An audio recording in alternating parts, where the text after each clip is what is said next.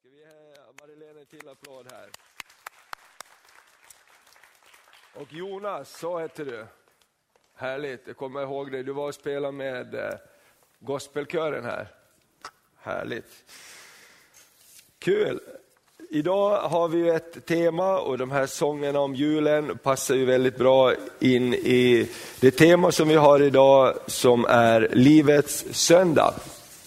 Idag så vill vi på ett speciellt sätt lyfta upp eh, värdet av livet. Idag är det tyvärr inte alldeles självklart att värdera livet på samma sätt som eh, man har gjort tidigare.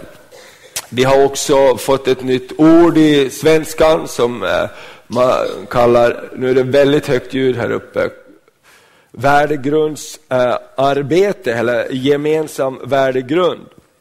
Och eh, jag har studerat lite grann om det och eh, till min förvåning så fann jag att ordet värdegrundsarbete, värdegrund, började användas i Sverige eh, i början eller under 90-talet. Och I många andra länder så använder man inte ordet värdegrund utan man använder ordet olika värderingar när det gäller moral, etik, och människolivet och så vidare. Och Det här har ju lite att göra med också eh, sekulariseringen i samhället. Vi har tagit bort Guds ord, vi har tagit bort det som är grunden för våra värderingar, Bibeln. Och då måste man ju hitta nya sätt att bygga värderingar på om man inte säger att Bibeln är vårt rättesnöre. Och Då måste man komma fram med, med, andra saker som man kallar gemensamma värderingar. Det här gör ju också det att vi tar bort en del av det som är grunden också för rätten till livet. Det okränkbara, den gåva livet är ifrån Gud. Plötsligt så är det inte en gudagiven sak utan det är någonting som av människan är framkommet eh, och också människan kan totalt styra över. Och då har man plockat bort den här stora dimensionen av Gud som livgivare och Gud som är alla goda gåvors givare och också respekten för livet. Och därför så i många kyrkor runt om vårt land så firar man livets söndag idag. Och jag vill bara läsa eh, en text här från, eh, eh, som fyra av kyrkoledarna har skrivit. Det är Sten-Gunnar Hedin ifrån pingströrelsen, pastor Ulf Ekman från trosrörelsen och Benjamin Atas, ärkebiskop i syrisk ortodoxa kyrkan och biskop Anders Aborelius från den katolska kyrkan. Tillsammans har de skrivit det här för att värna livet. Den tredje advent kallas glädjens söndag. Allt fler kyrkor firar dessutom den tredje advent som livets söndag.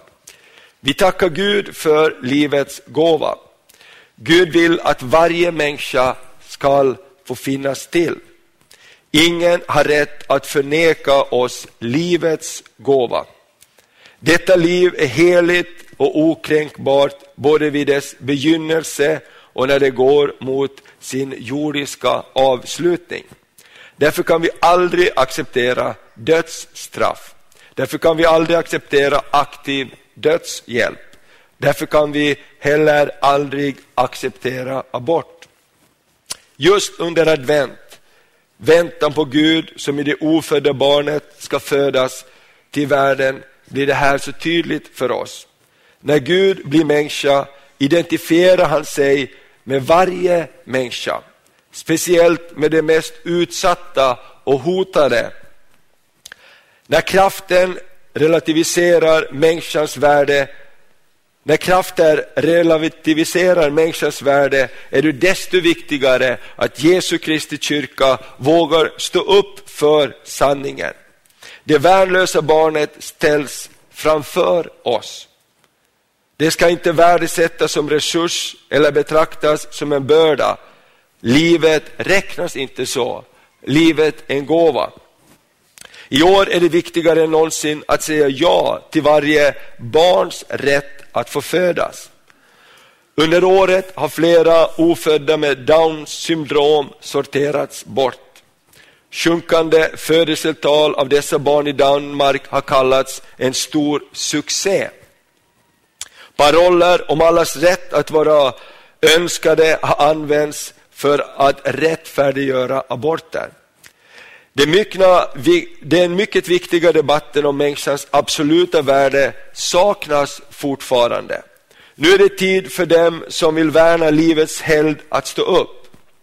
De ofödda barnen hör förvisso till denna grupp som bör uppmärksammas i vår förbön på livets söndag. Men också de barn som på olika sätt blir missbrukade och misshandlade. Tillsammans uttrycker vi vår stora sorg över att det också i kyrkliga sammanhang har begåtts svåra förbrytelser och övergrepp mot oskyldiga barn. Advent är en tid av bot och omvändelse, men samtidigt en tid av glädje och förväntan. Som kristna är det vår plikt att söka upp dem som har det sämst i vår närhet och stärka dem i deras mänskliga värdighet. Också i vårt välordnade samhälle finns det människor som lever ett liv som slavar. Vi får inte blunda för det faktum att människor säljs som slavar, utnyttjas skoningslöst sexuellt mitt ibland oss, även i Sverige idag. Flera kvinnor än vi anar har fallit offer för trafficking mitt i vår svenska idyll, som för dem har blivit ett sannskyldigt helvete.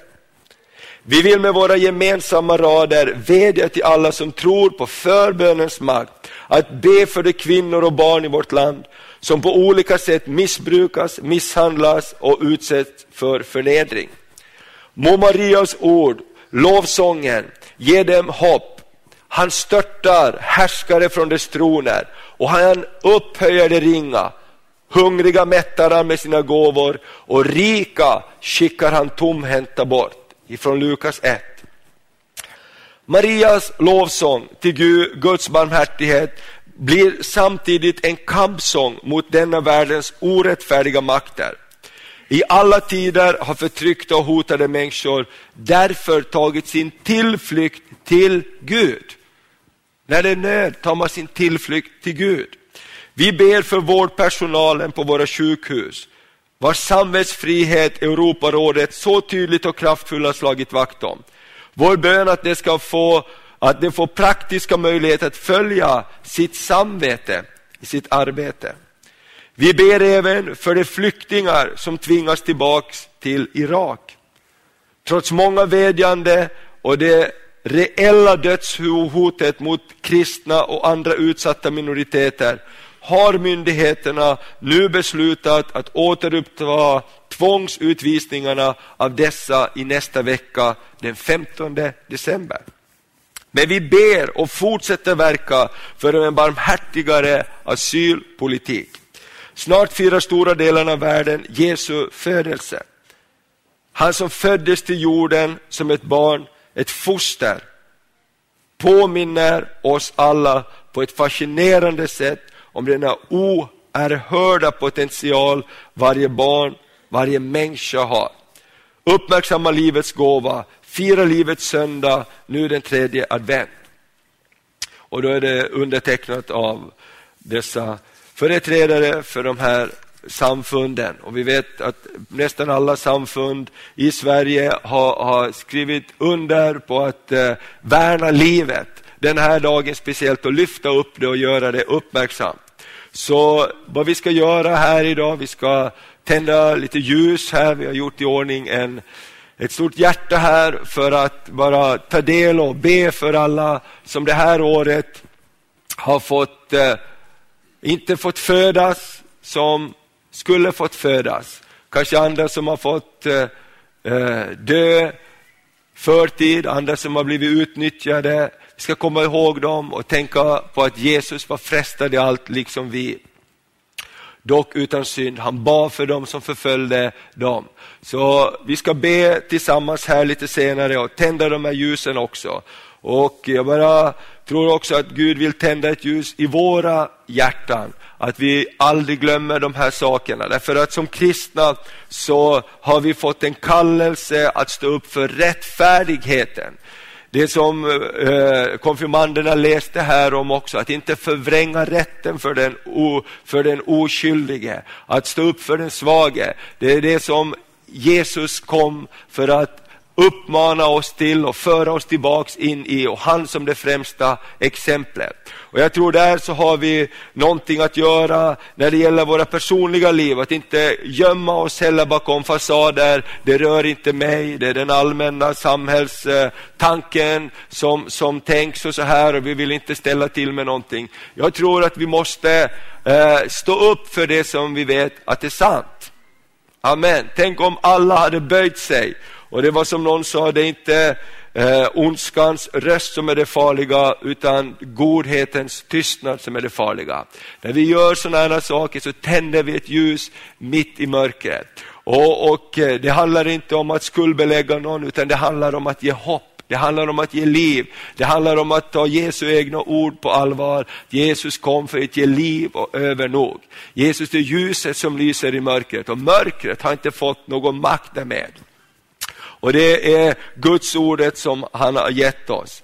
Och eh, skrev ner lite eh, olika tankar också varför det är så viktigt att vi som kristna lyfter upp också värdegrundsfrågorna, värderingsfrågorna, därför att vi har fått en bok och den talar sitt tydliga språk om alla människors unika värde. Du är skapad till Guds avbild. Redan i din moders sköte står det, så tänkte Gud på dig och mig. Och Vi ska läsa några bibelord som, som gäller detta. I Saltaren 139 så står det så här. Saltaren 139.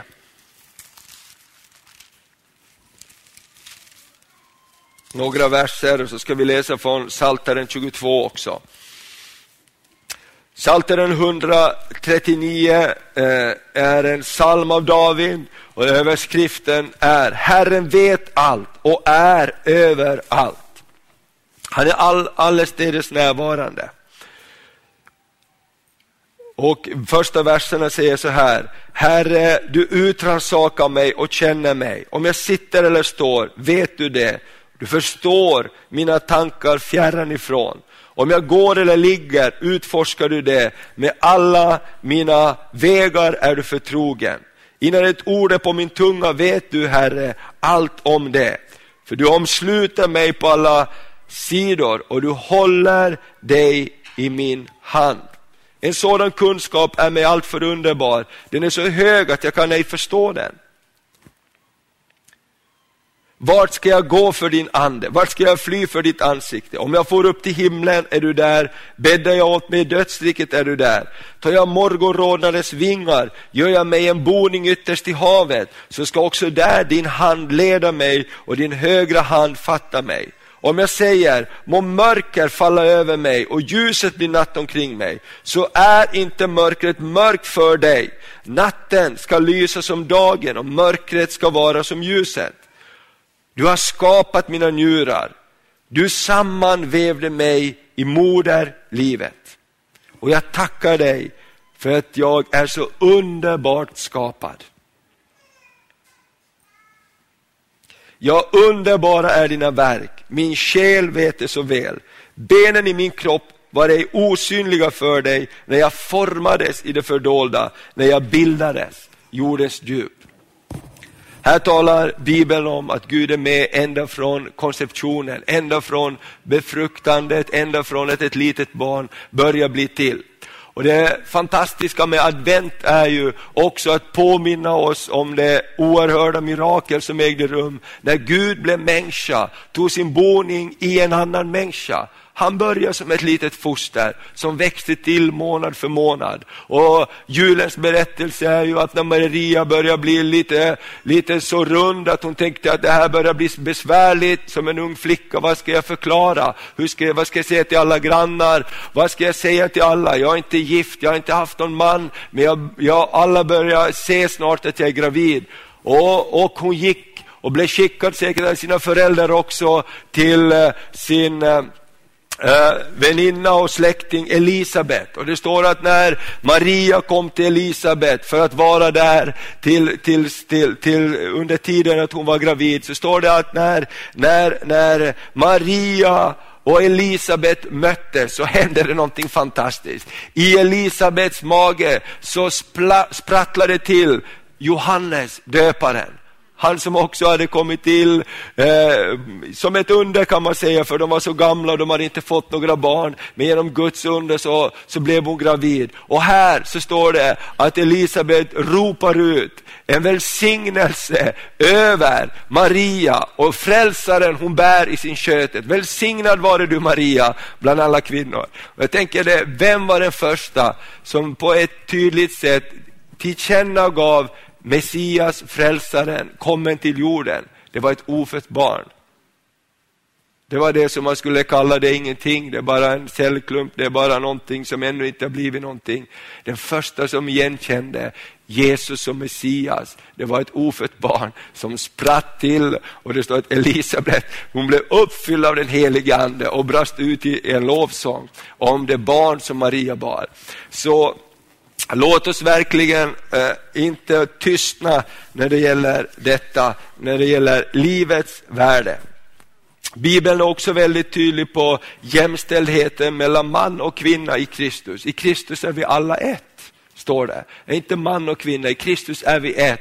Och, och eh, I evangelierna så får också, eh, är ju lärjungarna män, men kvinnorna får också stor plats. Gud använder kvinnor för att sända budskapet till männen om att han är uppstånden. Och de går vidare och, och tar ut det över hela världen. Bibeln lär oss också om att respektera livet som en Guds gåva, men också att respektera döden. Allting har sin plats. Bibeln uppmanar oss att hjälpa den svage och se till den behövande. Vi har berättelsen om eh, den samaritiska mannen, han som hjälpte den slagne, den som de andra gick förbi. Bibeln uppmanar oss att ta hand om den behövande, att utföra rättfärdighet och handla rätt mot sin nästa utan att ta hänsyn till social eller religiös status. Bibeln uppmanar oss att göra det. Och här är kristendomen unik. Vi säger använd inte droger. Vi säger det är fel att, att, att förstöra sitt liv med droger. Men vem är det som går och lyfter upp den som har misslyckats i droger? Jo, det är också den som säger använd inte droger, men en kristen människa. Jag själv är uppvuxen i ett hem där, där mina föräldrar startade flera vårdhem, eh, eller ja, härbergen och hem för de, de utslagna och de missbrukare. Och jag tänker, det är fantastiskt med Jesus. Han lägger kärlek till de människorna. Samtidigt säger vi, gör inte det, det är någonting fel. När det händer naturkatastrofer över världen, ofta är det kristna organisationer och människor som åker och hjälper andra, muslimer, buddister. Ingen frågar efter, vad är din tro? När det har hänt en naturkatastrof. Eller hur? Vi tänker inte det när vi skänker pengar, om det är en översvämning i ett buddhistiskt land, muslimskt land. Vi tänker inte på det. Jag tänker inte på det. Jag tänker att det är människor som har ett behov. Eller hur? Och det är det här som egentligen det motstridiga ibland för, för, för förnuftet. Men hur kan ni säga att det här är fel? Hur kan ni säga att de har fel? Och ändå så hjälper ni och älskar. Jo, därför att Kristus är vårt föredöme. Och det är det som är en värdegrund som håller. Vi har en grund för våra värderingar som finns i boken. Jakob 2 säger väldigt tydligt det här. Jakob det andra kapitlet. Och, och, och från första versen så står det så här. Uh, Jakob 2.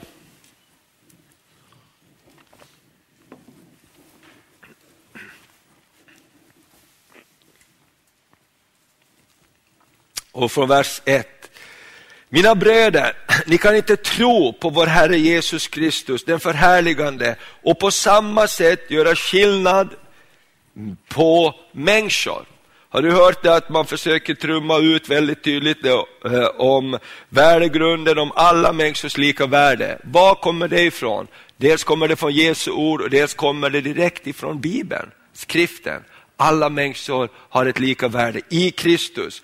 Det står så här, mina bröder, ni kan inte tro på vår Herre Jesus Kristus den förhärligande och på samma sätt göra skillnad på människor. För Gud gör inte skillnad på människor.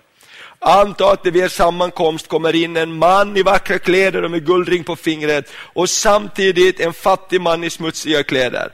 Om ni då ser till den vackert klädde och säger varsågod och sitt, här är en bra plats. Men till den fattige, du kan stå där eller sätt dig vid mina fötter. Har ni då inte kommit i strid med er själva och blivit domare som dömer partiskt? Lyssna mina bröder, har inte Gud utvalt de fattiga i den här världen för att bli rika i tron och till att ärva det rike som han har lovat dem som älskar honom? Men om ni föraktar, den, men ni föraktar den fattige, är det inte de rika som förtrycker er och drar er inför domstolar? Är det inte det som smedar det sköna namn som har nämnts eh, över er? Om ni uppfyller den konungsliga lagen enligt skriften, du ska älska din nästa som dig själv, då handlar ni rätt. Men om ni gör skillnad på människor begår ni synd och lagen överbevisar er om att ni är överträdare. Så därför är Bibeln väldigt tydligt om alla människors lika värde och rätt. Varför? Därför att de är skapade av Gud som en gåva till Gud. Ah, gåva av Gud till oss. Bibeln talar också om skydd för den personliga friheten och äganderätten genom tio Guds bud. Du har rätt att vara någon, du har rätt att äga någon och du ska få vara i fred med det du har. Eller hur? Du ska inte ha begär till det, du ska inte stjäla och så vidare. och så vidare. Gud har eh, varit väldigt tydligt i sitt ord när det här. Och sen har vi ju det fantastiska kungsbudet eh, ifrån Jesus att du ska älska din nästa så som dig själv. Eller hur? Vad är uppfyllelsen av lagen? Du ska älska Herren din Gud av allt ditt hjärta, av allt ditt förstånd. Du ska älska och med all din kraft och sen ska du älska din nästa så som dig själv. Då uppfyller vi lagen, då uppfyller vi det stora budet. Så Bibeln är väldigt tydlig på det här. Och eh, till sist Matteus 25 så säger jag så här om Matteus 25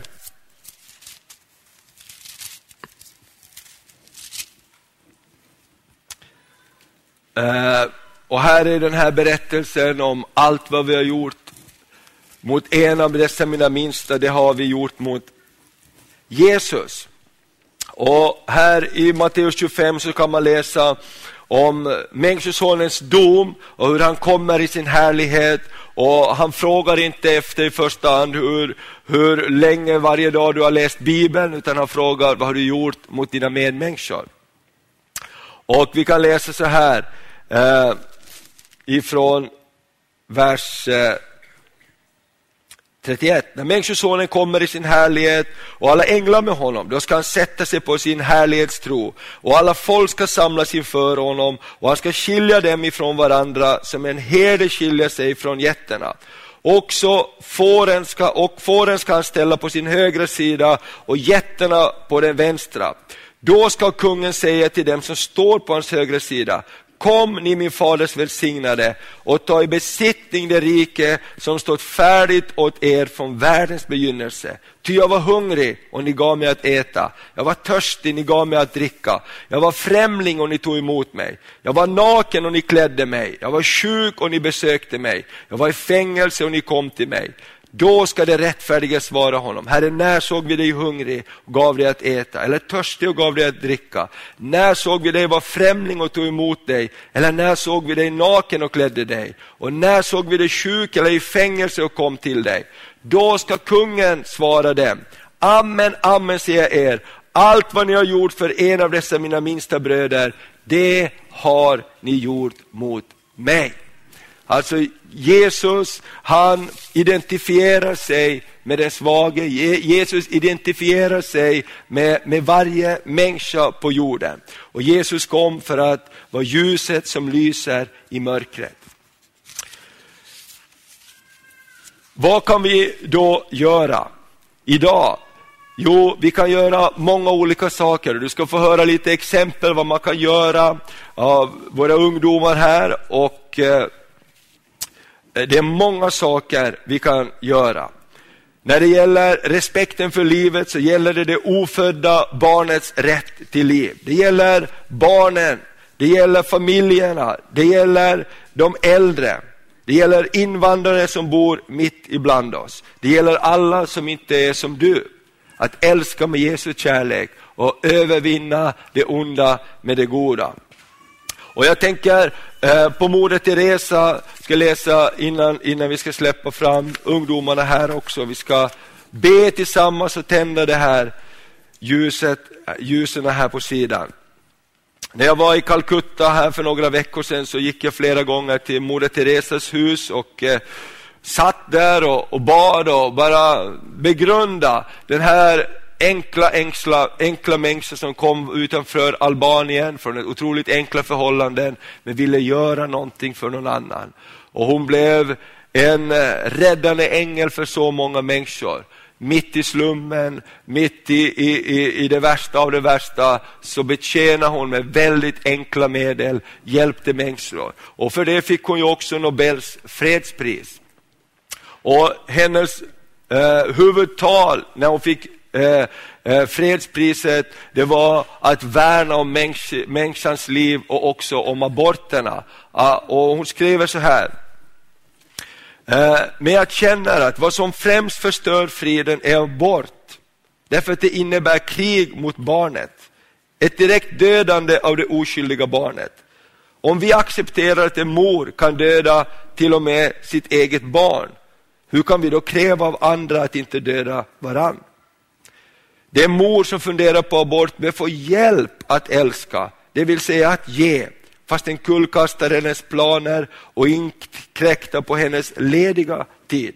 Hon bör få hjälp att respektera barnets liv. Och fadern till barnet, vem han än är, måste också ge tills det känns. Genom abort lär sig modern inte att älska, utan hon till och med ödelägger sitt eget barn för att lösa sina egna problem. Och genom abort får fadern budskapet att han inte behöver ta något som helst ansvar för barnet han är upphov till.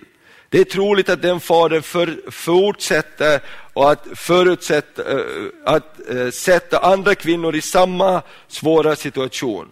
På så sätt leder en abort bara till fler aborter. Varje land som accepterar abort lär inte sitt folk att älska utan att använda vilket våld som helst för att få det de vill ha. Det är därför som abort är den största förstöraren av kärlek och frid. Och det här tror jag är otroliga ord. Och där hos, eh, i hennes hus där så var det många små lappar hon hade satt upp om olika saker som hjälpte henne att fortsätta att hjälpa andra. Och jag tänker på alla de 37 500, om vi pratar om 37 500 små barn som inte fick födas förra året i Sverige, ungefär. Det är också mammor och pappor bakom där som har det jättejobbigt att brottas med de tankarna. När vi ber så, och tänker på det ska vi inte skuldbelägga dem, utan vi ska be och lyfta upp dem och älska dem och vara med och skapa en förutsättning för att det inte ska behöva hända igen. Jag tänker de här Moder Teresas ord är otroligt tänkvärda. Om vi som samhälle godkänner att lösa våra personliga problem genom att ta bort någon annan, vilket samhälle skapar vi då? Och därför behöver vi Guds ord i samhället som en grundsten för att hålla en värdegrund som inte bara är på vår gemensamma åsikt utan som vilar på någonting djupare. Amen. Därför allting är inte relativt. Allting är inte relativt. Det är någonting vi ofta har blivit indoktrinerade i. Allting är relativt. Ett barns liv är inte relativt en vuxens liv, en äldre människas liv. Inte minst i år har vi ju nu på senare tid fått följa med krisen inom äldrevården på olika sätt, där man utnyttjar och inte tar hand om de äldre på ett värdigt sätt. Amen. Jag tror det här är många saker vi kan tänka på.